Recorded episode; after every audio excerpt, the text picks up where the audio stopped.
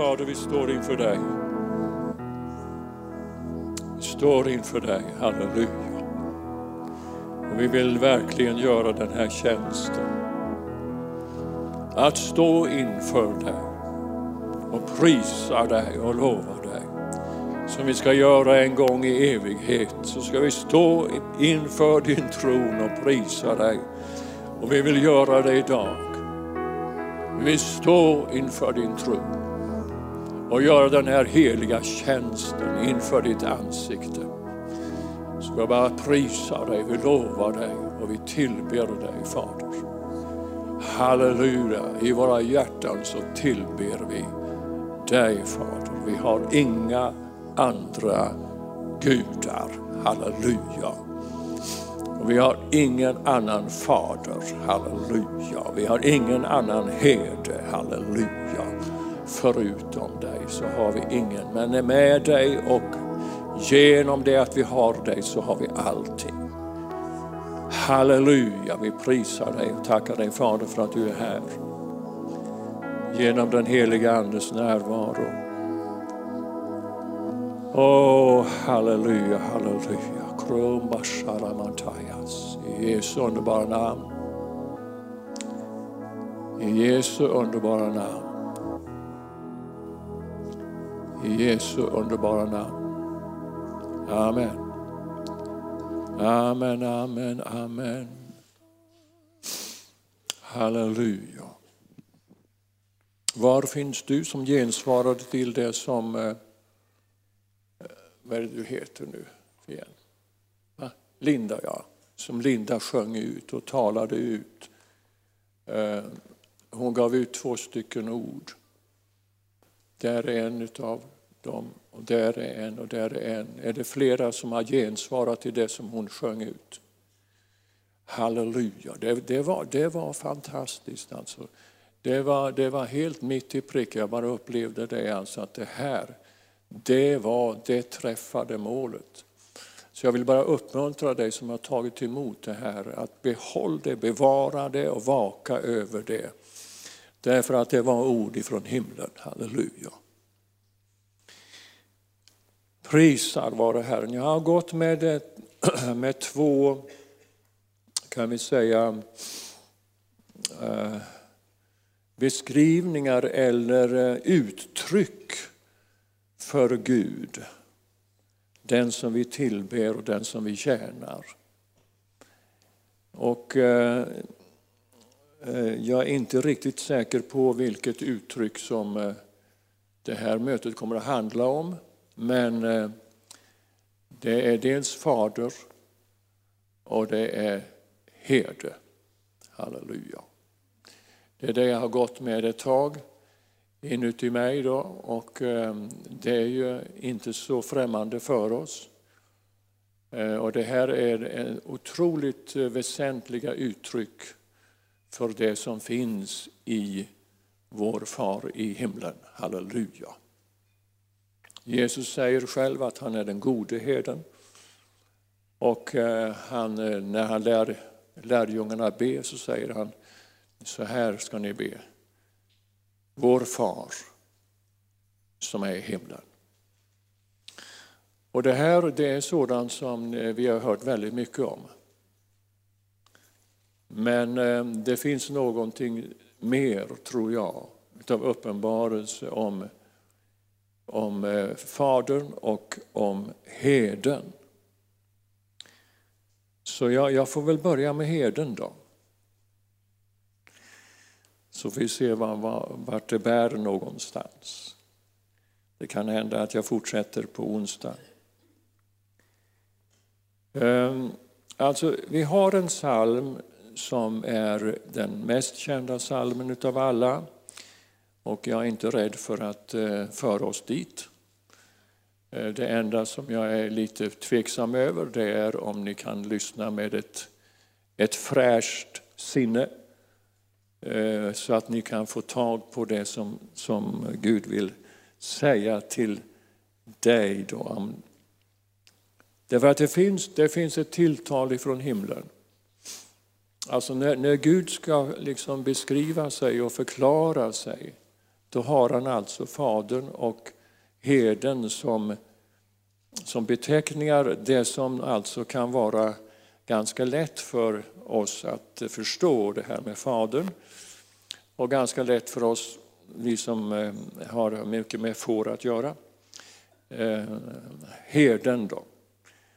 Alltså herden kan ju då vara lite svårare eftersom det inte är så många som har klippt tio får som jag. Är det, är det någon mer än jag som har klippt får? Ja, det är inte så många kanske. Okay.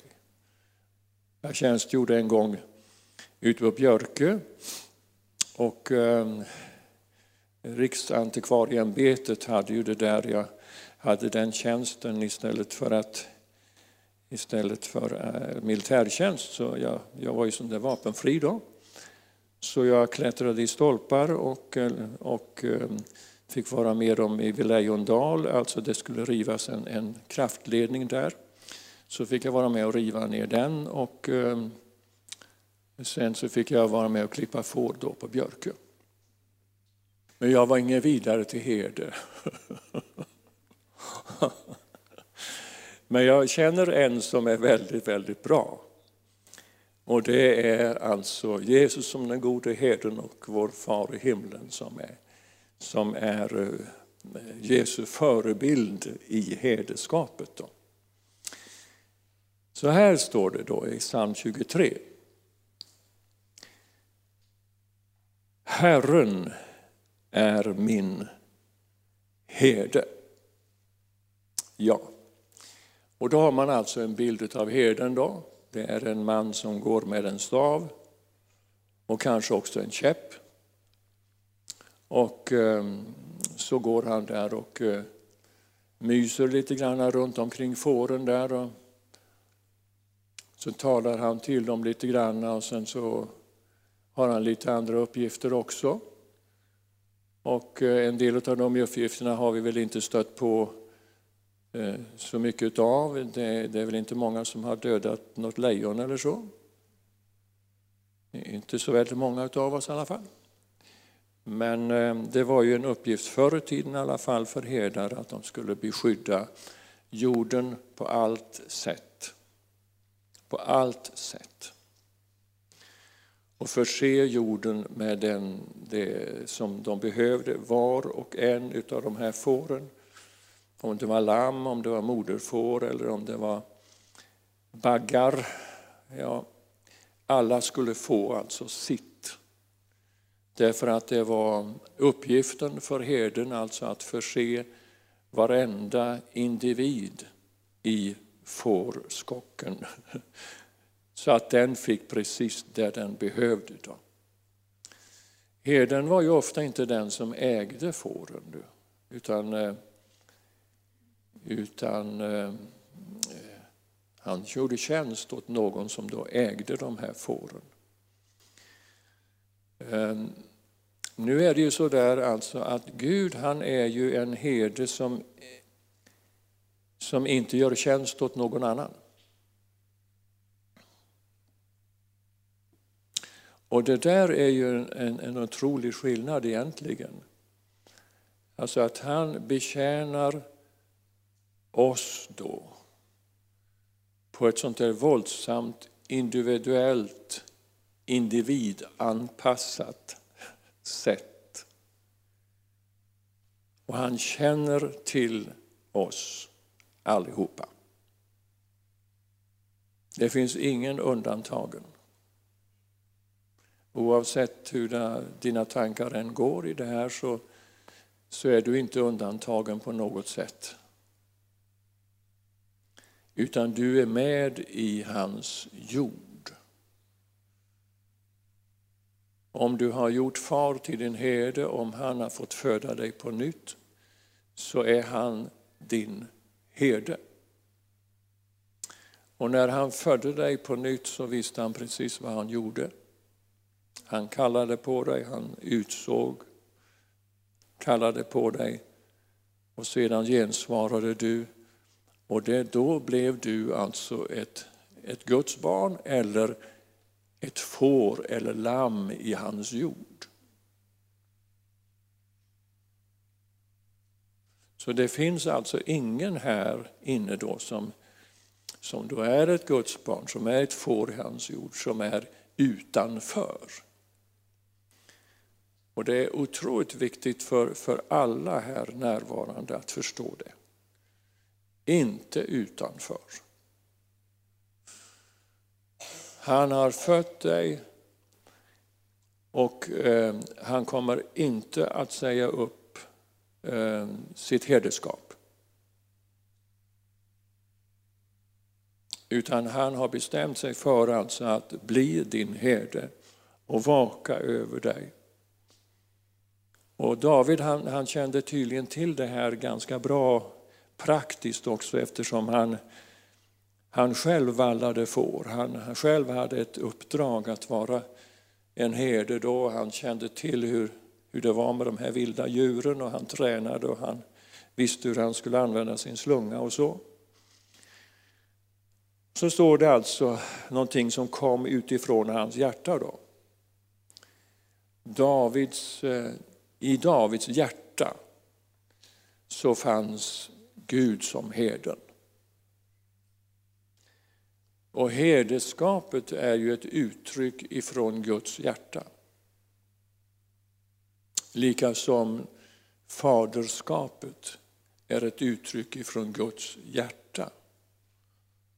Och jag tror att det här är någonting som behöver, behöver komma in så att säga, i våra hjärtan. Att vi kan ta emot Guds hjärta hjärtats uttryck i herdeskapet och i faderskapet. Så att det blir alltså en verklighet i våra liv, någonting som föder någonting i oss. Har vi det bara som en teori, någonting som vi har alltså i huvudet, någonting som vi funderar på, vi ser ja, herde, vi ser det, det, det, det, det, det, det ser vi, ja, det är liksom en en, en typ av verklighet, men det är inte verkligheten själv därför att han har inte drabbat våra hjärtan. Och Det var därför jag ville att den här sången, att vi skulle sjunga den. Därför att det är en sång från våra hjärtan. Vi möter alltså Guds hjärta genom att vi ger våra hjärtan till honom. Halleluja. Och det där är någonting som han letar efter. Han, han söker inte främst efter vårt förstånd, vår duktighet eller, eller någonting annat förutom hjärtat. Han, han söker efter våra hjärtan. Så det är att faderskapet är ett uttryck ifrån hans hjärta, herdeskapet är ett uttryck ifrån hans hjärta. Och vi är kallade, tror jag, först och främst att lära känna honom och hans hjärta. Är du med mig? Nu är det så där att det kan vara lite, lite svårt för mig alltså att öppna mig på det sättet. Vi kan ha olika erfarenheter av att bli sårade och svikna. Och I det naturliga så kan vi ha mött alltså väldigt stora slag emot våra hjärtan. Och vi kan ha på något sätt kommit in i en önskan om att beskydda våra hjärtan. På något sätt har vi lockats kanske att göra våra hjärtan hårda för att inte utsättas för risken att bli sårad igen. När det gäller Gud så överför vi ibland alltså de här erfarenheterna som vi har ifrån människor som har behandlat oss illa, så överför vi den erfarenheten på något sätt till vår far i himlen, till Gud. Och det, det är det är inte bra. Det är inte bra, för han, han signalerar inte på den där våglängden. Va? Hans hjärta, vad det är fullt utav, det talar hans mun. Och vad är det han talar? Han talar bara ord av tröst och uppmuntran och vägledning. Han är full utav ljus och goda gåvor. Han skänker bara det som är fullkomligt, underbart, härligt och ljuvligt. Och hittills har han inte svikit någon. Det finns inte i hans karaktär att svika. Utan han är trofast. Gud är trofast. Halleluja. Och den här, den här tryggheten som det innebär alltså att upptäcka att Gud är trofast. Det är som att liksom komma in i ett beskydd. Jag kommer in i en, en trygg position, i en säkerhet. Halleluja! Gud kommer aldrig någonsin att överge mig. Om än en fader och moder överger mig så ska han aldrig göra det. För han säger det uttryckligen. Så det man upplever alltså i det vanliga livet i relationer till människor utav svek, bedrägeri och lögn och förtal och allt sådant.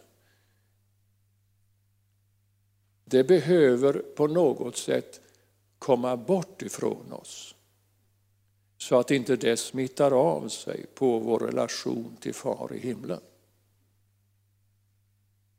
Halleluja. Alltså vi behöver alltså på något sätt tillåta sanningen ifrån Gud drabba alla erfarenheter. Alla omständigheter och allting som vi har varit med om. Att låta det ljuset och sanningen komma in i vår själ så att inte vår själ stör vår andliga relation med Far i himlen. Därför att när han signalerar till exempel att han aldrig ska överge mig, då, mm -hmm, då har vi vissa saker som händer i vårt sinne. Lätt alltså. Man påminns om människor som har reagerat på olika sätt. Och vad han än säger i sitt ord och hur han än uppenbarar sig så finns det en risk alltså att det som jag har varit med om att det kommer upp och dyker upp. Alltså jag tillåter alltså att mitt sinne på något sätt aktiveras för att ta emot det som kommer till min ande. Är du med mig? Och därför så behöver vi alltså vara, vara observanta på vad som finns i själen och vad som finns i anden. I anden finns det bara frid till exempel. Det finns ingenting utan fruktan. Det finns ingenting ofrid. Det finns inte i anden. Halleluja! Prisar vare Herren. Så vi är kallade alltså att leva utifrån vår ande och inte utifrån det som själen, eh, den sårade själen, den, den förkastade själen, den uppgivna själen och den missmodiga själen, vad den talar. Utan vi är kallade att lyssna på vad Gud säger. Vad han talar. Och han signalerar, jag är med dig. Jag ska aldrig någonsin överge dig. Jag ska välsigna dig.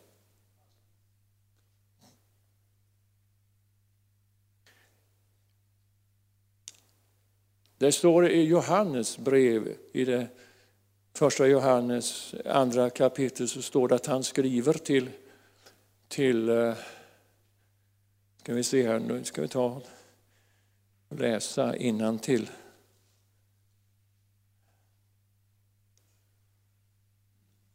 Vi ska återvända till psalm 23 tror jag. Jag ska lägga ett papper där. Men nu fördes jag till Johannes, första Johannes kapitel 2. Han säger att han skriver då till, till er barn, står det i vers 12. Jag skriver till er, nej, nej bara står det. Nej, det står barn, ja, just det. Jag skriver till er barn, era synder är förlåtna för hans namns skull. Jag skriver till er fäder, vers 13. Ni har lärt känna honom som är från begynnelsen. Jag skriver till er unga män, ni som har besegrat den onde. Och sen så tar han det om igen. Jag har skrivit till er barn, ni har lärt känna Fadern. Jag har skrivit till er fäder, ni har lärt känna honom som är från begynnelsen. Och jag har skrivit till er unga män, ni är starka, Guds ord förblir er. Och ni har besegrat den onde. Alltså, här beskrivs ju en, en utveckling från barn till yngling och sedan till fäder. Och då är det intressant att se alltså att det som liksom är kronan på verket, det är att lära känna honom som är från begynnelsen. Vår erfarenhet och vandring med Gud alltså, den, den uttrycker sin fullhet i att lära känna honom som var från begynnelsen. Alltså att veta vem han är. Känna hans hjärta. Halleluja. Halleluja. Och jag tror alltså att när vi öppnar våra hjärtan mot honom så öppnar han sitt hjärta emot mig. Och så får jag lära känna honom. Jag kan inte lära känna honom teoretiskt, jag behöver uppleva, erfara honom i relationen och gemenskapen med honom. Fäderna har gått en väg tillsammans med honom. Och Paulus säger framför allt, han säger det mot slutet av sin liv, framför allt vill jag lära känna Jesus. Framför allt. Och där är det alltså fråga om den karaktär som finns hos Fadern. Den karaktär som finns som herden, han som är vår herde. Halleluja. Och det blir alltså en, en, en eh, befruktande utav mig då, som får i hans jord. Så blir det befruktande för mig att lära känna honom. Det är inte bara för att lära känna, för att liksom få en viss kunskap, utan få del av livet. När jag lär känna honom så lär jag känna livet, det livet, det eviga livet, det eviga livets innehåll. Och vad det är för någonting för mig. Halleluja. Herren är min herde. Alltså jag det finns många herdar som, som vill uppträda, det finns många fäder som vill uppträda och locka på olika sätt. Men det finns bara en fader och det finns bara en herde. Halleluja, det, det är honom som vi lär känna och det är honom som vi vill följa. Därför att när, när han talar, då känner vi hans röst. Det står att fåren känner herdens röst. Och så följer de den rösten. Halleluja. Och det finns tydligen någonting mera, så att säga, ett innehåll i rösten. Då. För rösten är ju till för att eh, förmedla orden, men det är också till för att förmedla orden på ett, med ett eh, vad ska vi säga, en, en färg. alltså, vi kan tala med, med, med olika typer av röster. Ehm, och en röst kan vara behaglig och, och härlig och underbar och ljuvlig och en röst kan vara helt tvärtom. Alltså man kan säga att man kan måla med olika färger då genom sin röst. Och jag tror alltså att ju mer man lär känna Herren så lär man känna hans röst, vilken karaktär själva rösten har. Varför han säger som han gör och vad det är för innehåll. Alltså hans eget innehåll av sig i det som han säger. Alltså vi, vi, när vi talar och pratar med varandra så ger vi av oss själva i det som vi säger och vi målar också med vår, med vår egen röst. Det, man kan inte särskilja det där utan det finns, det finns med. Va? Och fåren har tydligen lärt känna rösten. Guds röst, hedens röst. Och om det är någon annan som försöker härma den där rösten på något sätt eller säga samma sak så är det ändå inte samma sak. För det är inte samma röst. Vi kan, vi kan väldigt eh, lätt skilja på, på röster. Jaha, man bara hör liksom rösten, ja det är den, det är den och den och den. Och eh, det är som, som det blir en, en slags karaktär, en röst man har eh, visar en viss, eh, eh lite av vem jag är. Och på det sättet som jag talar så, så visar det lite grann av vem jag är. Och när Gud talar och när hans röst eh, hörs, då är, då är det han. Alltså han, det innehållet i honom, den han är, speglar sig i hans röst. Inte bara i det han gör, utan på vilket sätt han talar. Halleluja. Prisad vare Herren. Man kan säga saker och ting på olika sätt. Man kan, man kan liksom höra medkännande i en röst. Har du upptäckt det? Bara man hör alltså en röst, någon som talar, då, då hör man medkännande. Halleluja. Det finns ett ord alltså i eh, ett gammalt ord som nu inte används mera och det, det är det här med att ömka sig. Då. Eh, ni unga, känner ni till det här att ömka sig? Medömkan. Ja, så där ja. Jag kan förstå det. Då. Det, det berättas alltså att, att, när Mose mor satte Mose, lilla pojken, då, lilla bebisen, i en korg eh, i floden. Då. Så kom alltså faraos dotter och hörde gråten. Mose grät där han låg i vassen då. Och då står det att han ömkade sig, eller hon ömkade sig över honom. Alltså hon kände någonting, det drabbade henne på något sätt det här, den här gråten. Och det gjorde alltså att Mose togs upp eh, eh, som, som i, i faraos hov eh, på grund av det här. Är, eh, på många ställen i Nya Testamentet, om man tar 1917 års översättning, så står det han ömkade sig över människorna för de var som vilsegångna får utan någon herde. Så när Jesus såg människorna, det står vid ett par tillfällen, när Jesus såg människorna så såg han bristen på herden. Och det rörde honom i hans hjärta.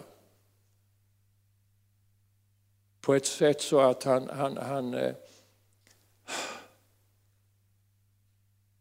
Tänk att ömka sig över någon alltså. Känna med, att vara medkännande. Alltså en karaktär hos far i himlen som herde, han är medkännande. Och har, lider du brist på någonting, är du i nöd på något sätt, då ömkar han sig över dig. Alltså han ger utav sitt hjärta därför att han rör sig i sitt hjärta. Va? Då ger han någonting utifrån sitt hjärta till dig. Han ser alltså i vilken situation du är och i vilket förhållande du, du eh, lever i och omständigheter. Han vet precis allting. Och saknar du någonting, framför allt så att säga då en herde då. Om du på något sätt inte tagit emot honom som herde, då tror jag han speciellt blir rörd i sitt hjärta. Om du går vilse på något sätt, som om du inte hade någon herde. Då. För så kan vi uppleva det ibland. Vi kan distansera oss ifrån från Gud Fader som vår herde. Och då, och då är vi då utan herde. Då. Men han, han ser ju dig som sitt barn. Och han vill alltså locka dig att, att eh, liksom ta emot honom som herden. Och jag tror att idag är det en dag då vi kan ta emot alltså Gud, vår far i himlen, som herden. Herden är inte den som som har sin egen agenda. Alltså om, han, om herden har sin egen agenda då blir han alltså en falsk herde då, som inte bryr sig om fåren. Men en sann herde han ger alltså livet, ger sitt liv för fåren. Det talar Jesus om. Herren är min herde, säger alltså David i psalm 23. Han har valt, då kan man säga, att låta Gud vara hans herde. Och när han har valt det, när han har, han har sett vem Gud, han har lärt känna Gud, alltså David i hans psalmer här, det, det speglar alltså väldigt mycket av alltså att han känner Gud. Och han har känner, känner alltså Gud som herden. Och han vet vilken betydelse som herden, herden har. Och därför så har han låtit Gud bli sin herde. Han själv som hade en, en ledarfunktion, han hade alltså låtit ett, ett val ifrån honom betydde alltså att han har gjort Herren till herde. Och när, eftersom han har gjort Herren till sin herde, då får han alltså erfara allt det som Gud vill göra genom sitt herdeskap. Och framför allt här så står det, det ska inte fattas mig någonting. Jag brukar säga det, redan i början när man läser psalm 23, då är det en, en våldsam utmaning. Därför att vi, vi upplever att det fattas oss väldigt mycket. Men David, han upplevde att det fattades ingenting för honom. Och det var på grund av alltså att han hade gjort Herren till sin herde, att han såg och förstod vem Gud fader var och vilket uppdrag som far i himlen hade givit sig själv. Man kan inte säga alltså att Gud har fått uppdraget utan han har gett sig själv uppdraget att vara herden. Och då har alltså David tagit emot det här och då säger han, det fattas ingenting. Så han hade förstått tydligen alltså att när man har fått tag på Gud och fått tag, lärt känna honom och fått tag på, på det, då fattas ingenting. alltså. När jag har dig fattas ingenting, det uttrycks i en annan psalm. Vem har jag i himlen förutom dig? Och när jag har dig dig så fattas mig ingenting, då lider jag inte brist på någonting. Och det här, redan det här är ju en sådan utmaning så att det är, är våldsamt mot vårt sinne. Därför att vårt sinne signalerar den ena bristen efter den andra. När man vaknar på morgonen så, så kallar de här bristerna på min uppmärksamhet. Jag saknar det här, jag saknar det här, jag saknar det och jag saknar det och jag vill ha det, jag vill ha det, jag vill ha det, jag vill ha det. Och så säger alltså ordet alltså att Herren är min herde. Och därför ska det inte fattas mig någonting. Ja, men vad, vad, säger jag då till min själ och mitt sinne då som signalerar brist? Vad är, vad är sant?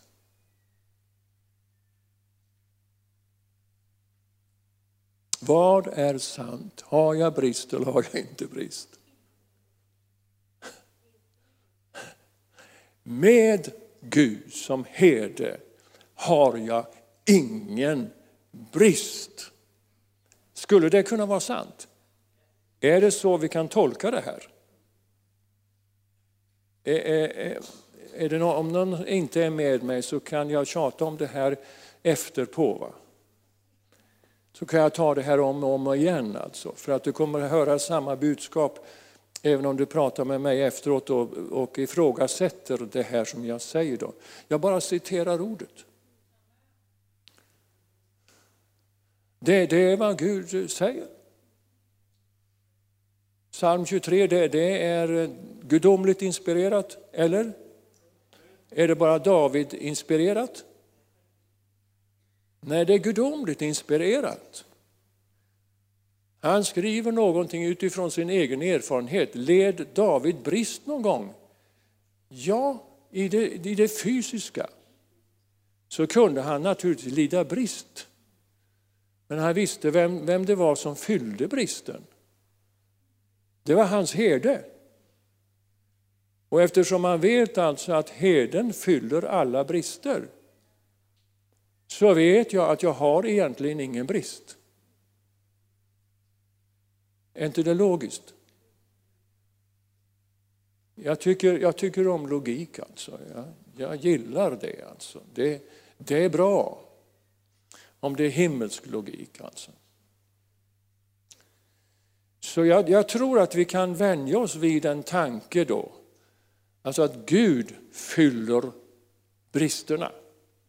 Och då behöver inte jag vara observant på brister. Utan jag kan vara observant på honom som herde. Det kan vara bättre. Räcker det då? Räcker det liksom att gå liksom och titta på Gud hela tiden så här? Ja, jag har ju honom i mitt hjärta. Halleluja. Jag har honom i mitt hjärta. Halleluja. Prisad vare Gud. Och ju mer jag får honom in i mitt hjärta, desto härligare blir det, desto tryggare blir jag. Eller hur? Därför att hans hjärta vill fylla mitt hjärta. Kan du låta Gud fylla ditt hjärta? Är det möjligt alltså att han kan smitta av sig något? Så att ditt hjärta kan bli glatt till exempel.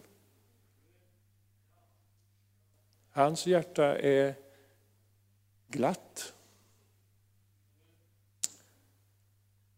Så man kan ju, man kan ju säga så här, Paulus han, han, han, han sa det, ja, var alltid glada. Sa han ju, ja. Därför att eh, glädje bor i, i mig på grund av att Gud bor i mig. Då. Halleluja. Min själ vill gärna hänga upp sig på något annat. Vad gör jag åt det? Ja, jag låter det väl hänga upp sig på det och jag kan väl gå min väg då. För annars så kan jag ta min själ så att säga, i min hand och, och säga åt en nu själ, nu förstår du, nu är det det här som gäller. Det är vad Gud säger som är sant. Inte vad du känner. Inte vad du tänker eller vad du håller på med med din vilja. Då.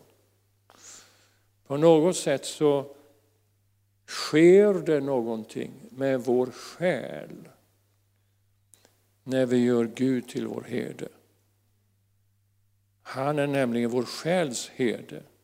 Herden är vår själs herde och vårdare. Så det sker någonting alltså. När han får träda in på scenen som min herde. Halleluja. Och då, då ska ni se, då, då händer det någonting med din själ. Prisad vare Gud alltså.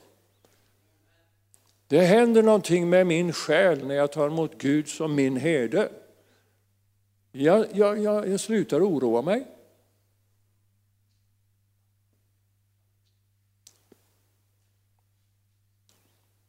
Ja, jag kanske inte har gjort honom till herde riktigt där ändå eftersom jag ännu oroar mig. Men det, det går bra att han ska kunna få vara herde också för mina känslor.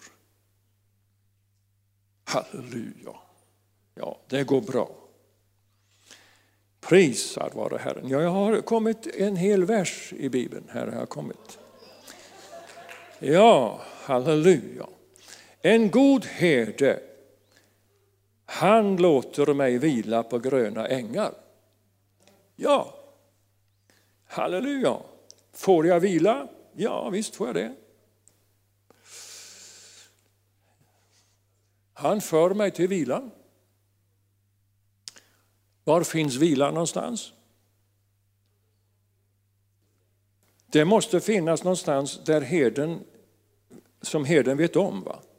Eller hur? Herden vet om alltså var vilan finns någonstans. Och när han leder mig så får jag alltså vila. Eller?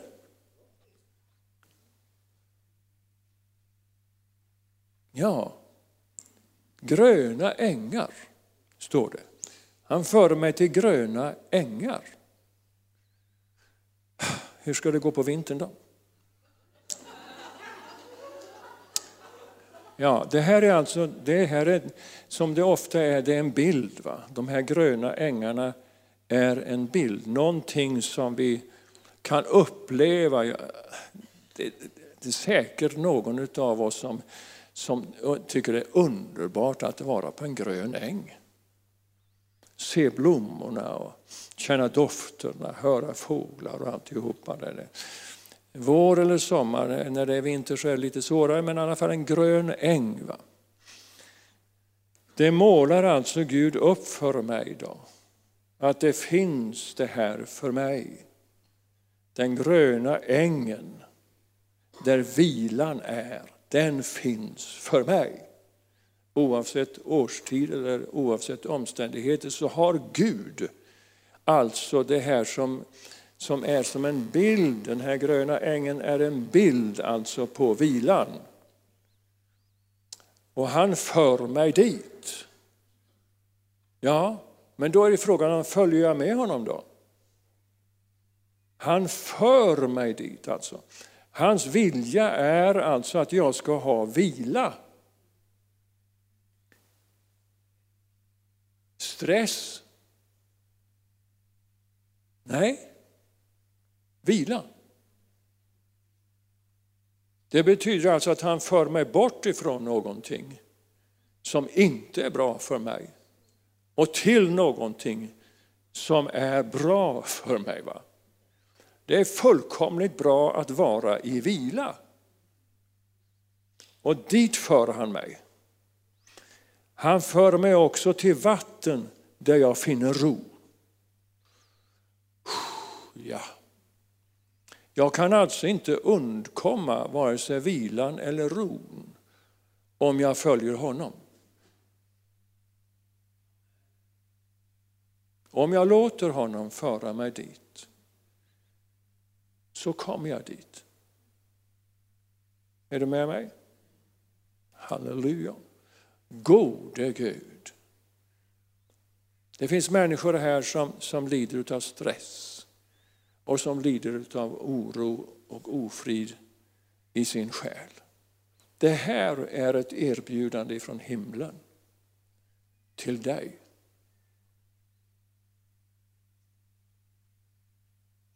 Han vill föra dig dit.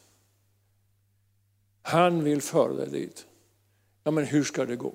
Hur ska han göra? Ja, det spelar väl ingen roll. Det spelar väl ingen roll om du vet hur han ska göra. Därför det kanske är så att du inte begriper det. Men han begriper det.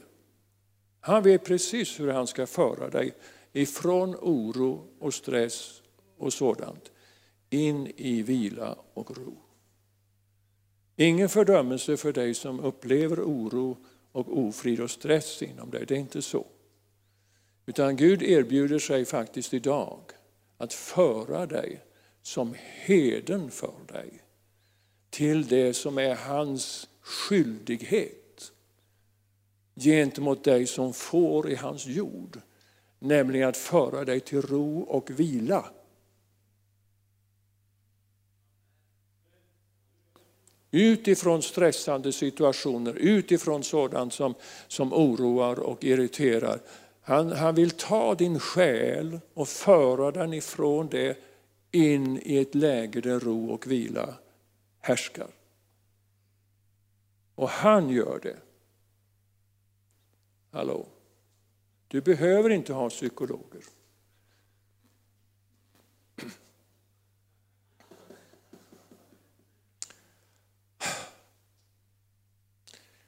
Ja, nu stack jag ut eh, inte bara hakan utan kanske lite mera. Men du vet, här, här, här speglar Gud någonting av sig själv.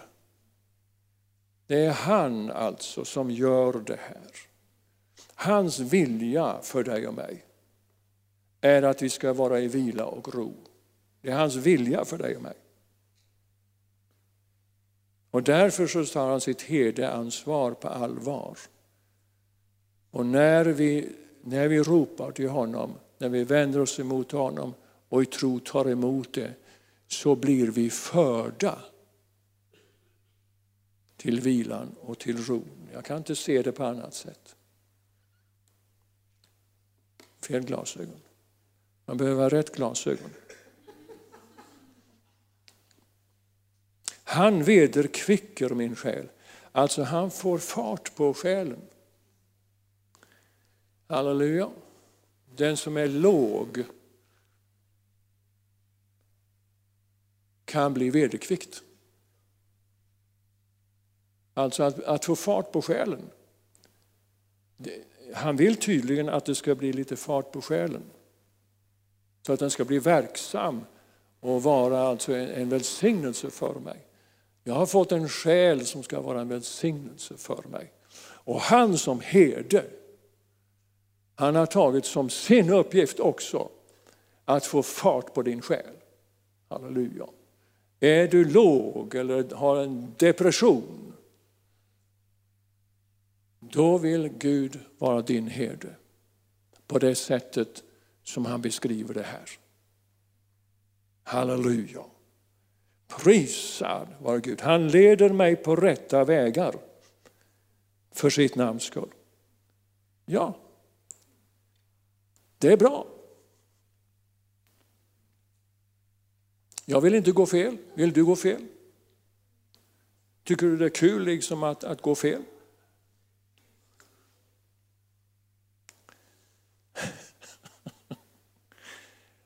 Halleluja. Ni börjar bli lite utmanade av det som står i psalm 23. Va? Jag hoppas verkligen att det sker.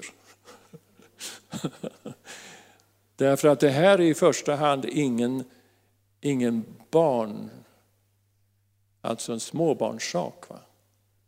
Utan det här är, psalm 23, det är fast föda. Halleluja.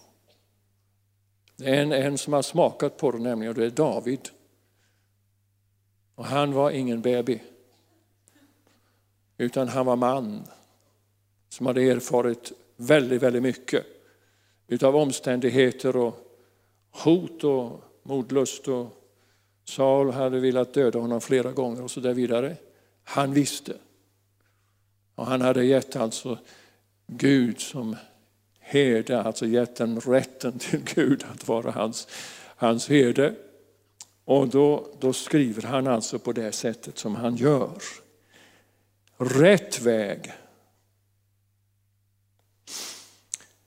Om jag också vandrar i dödsskuggans dal, ja det hade han ju gjort många gånger. Paulus eh, berättar om det, alltså att han har vandrat och inte bara varit eh, vandrat utan han har varit och varit utsatt för prygel och slag och eh, alla andra faror både till sjöss och till, till lands. kan vi läsa om i Andra Korinthierbrevet 11 tror jag det Allt, vid alla faror som han har varit utsatt för. Om jag vandrar där så fruktar jag inget ont. Hallå, jag tror att det är väldigt få av oss som har vandrat i dödsskuggans dal. Det kan hända att någon har fått smaka utav verkligheten utav dödsskuggans dal. Men jag hoppas att du kan vittna om alltså att du inte behöver frukta där. Därför att du har gjort Gud till din herde. Kan det finnas någon mörkare plats än dödsskuggans dal?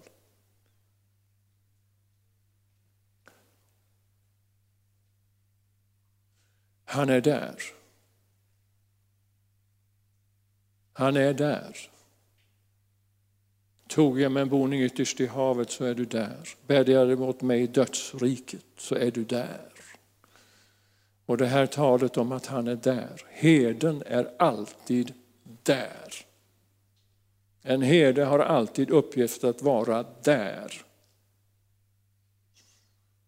En herde har inte en uppgift att sova, utan en herde har en uppgift att vaka över sin jord. Det är ett tufft jobb att vara herde. Våldsamt tufft jobb. Men Gud han är mäktig att vara din herde. Att lyfta upp dig. Vilka tankar och upplevelser du än har. Så har han förmåga att lyfta dig.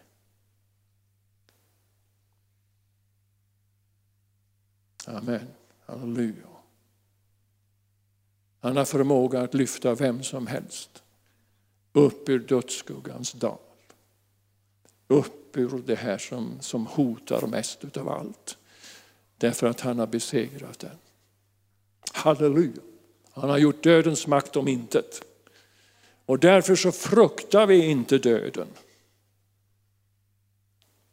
Den bundenheten som det beskrivs, alltså att gå i en ständig fruktan för döden, den bundenheten slipper vi. Vi är inte de som fruktar för döden.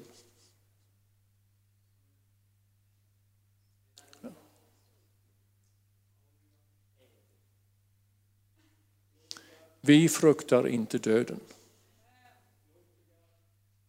Utan vi vet att han är där. Halleluja. Han har gett oss evigt liv och det eviga livet det är en övervinnare. Halleluja. Halleluja, vi ska leva om vi än dör. Och det är en våldsam kraft i det där. Samma kraft som uppväckte Jesus ifrån de döda är i oss som tror. När vi tror på Gud som vår herde så får vi en fantastisk ledare för våra liv. Vi kan följa honom utan fruktan. Prisad vare Herren. En herde som han är en sann ledare så vi kan följa honom. Din käpp och stav de tröstar mig. Alltså det som han har. Vi ser alltså de de redskap han har, vi ser de vapen han har. Vi ser alltså det som han är rustad med. Och därför vet vi alltså att han försvarar oss och kan försvara oss. Oavsett vilka hot vi än möter så kan han försvara dig och mig. Och i vissa lägen behöver vi inte alls försvara oss själva. Utan vi behöver alltså lita på att han försvarar. Ibland frestas vi alltså att eh, försvara oss själva. Har du varit med om det någon gång? Att du har känt dig anklagad eller orättvist behandlad eller människor har liksom inte lyssnat på dig, har inte riktigt förstått vad du har sagt och så där vidare. Då vill du förklara och försvara dig, eller? Det är någon i alla fall som nickar. Ja, ja, ja. jag kan väl nicka jag också då. Ja. Men alltså det där är... Jag tror att man behöver vara lite vaksam över när man behöver försvara sig och när man inte ska göra det. Och på vilket sätt. Halleluja. Ja, men de förstår ju inte. De hör inte, de ser inte. Ja. Vi har en som eh, har en fullständig överblick. Skulle vi kunna lämna över till honom? Så att han kan leda oss på rätt väg också i ett sådant läge. Så att vi kan gå rätt i ett sådant läge. Vi kommer i olika lägen gentemot olika människor. Alltid, alltså stund, dagligen nästan, så kommer vi i lägen till, gentemot andra människor. Han leder mig på rätt väg för sitt namns skull. Man kanske inte tänker på alltså att det i sådana lägen så är det vägen som gäller då. Den rätta vägen, på det sättet som jag ska handla. Vägen symboliserar ju ett sätt. Ett sätt att tänka. Om man liksom Alltså att känna Guds vägar, det är att känna till varför Gud tänker som han gör. Alltså hans sätt att tänka då. Och du och jag, vi behöver alltså känna till vägar. De vägar som leder rätt när vi möter människor och möter olika situationer. Och då kan alltså herden, vår överheden, kan signalera om den rätta vägen. Vi kan kalla det också för visdom. Ja, halleluja, jag kanske kommer igenom salmen. Eller ska jag lämna den till dig? Att läsa den vidare. Han dukar ett bord i ovännernas åsyn. Smörjer huvudet med olja. Han låter min bägare Aha, flöda över. Wow, halleluja. Det flödar över. halleluja. Godhet och nåd ska efterfölja mig, jaga mig till alla mina livsdagar. Jag ska åter få bo i Guds. Ja, det var, det var eh, en predikan till i resten utav utav detta. Det blev alltså en predikan om Gud som herde. I alla fall en liten botanisering på något sätt. Där jag är övertygad om alltså att Gud vill uppenbara sig själv som herden. Och jag tror på onsdag att jag ska ta det här med Fadern. Allt utgår ifrån Guds hjärta. Allt utgår ifrån att han älskar. Allt utgår som utgår ifrån honom utgår ifrån att han älskar.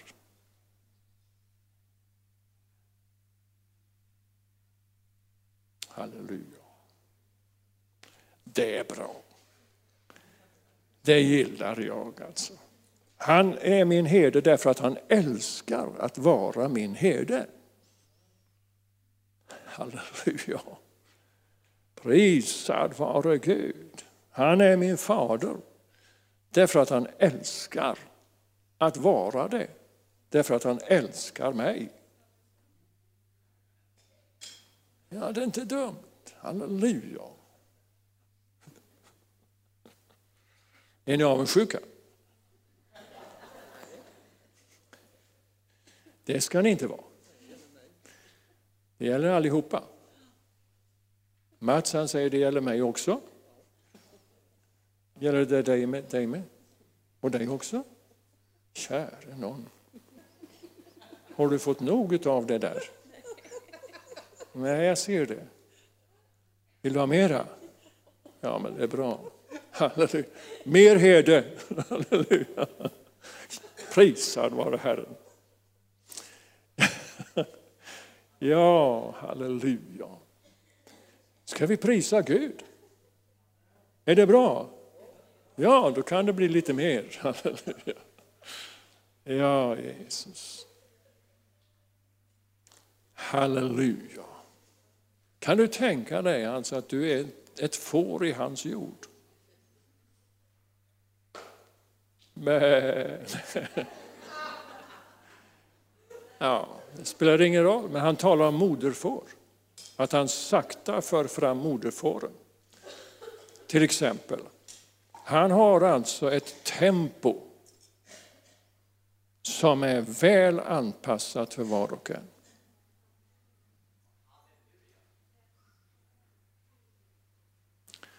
Far som herde har ett tempo som är fullkomligt anpassad för alla, för vem som helst. Det är individuellt. Prisad vare Herren, halleluja. Åh, oh, han nafsar mig inte i hälarna som vallhundar. Nej, han går före. Då ska vi prisa Gud, eller hur? Eller har ni fastnat? Halleluja ja, jag tror att Gud vill göra mirakel här. Prisad vare Herren, halleluja. Mm. En särskild välsignelse över er som tog emot de här orden i början. Jag skulle vilja bara lägga händerna på er. Om ni vill komma fram så ska jag bara lägga händerna på er som tog emot det här, de här orden som talades ut. Halleluja, kom med frimodighet. Bara bekänn, bekänn hans ord i era liv. Kumra senteria santo Halleluja, ni står här som vittnesbörd om att Gud har talat. Och när Gud har talat så finns det kraft i det där. Det finns en våldsam kraft i det som Gud säger. Halleluja. Så det kan, eh, det kan betyda, det betyder liv. Och hans ord är liv. Bara ta emot det här ordet som liv. Liv och kraft i Jesu underbara namn. Bara ta emot ordet ifrån himlen.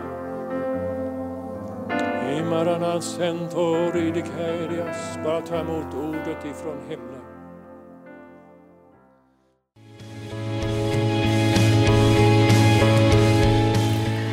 För att du har lyssnat. Vill du få del av mer information om församlingen Arken, vår helande tjänst, bibelskola och övriga arbete, gå in på www.arken.org.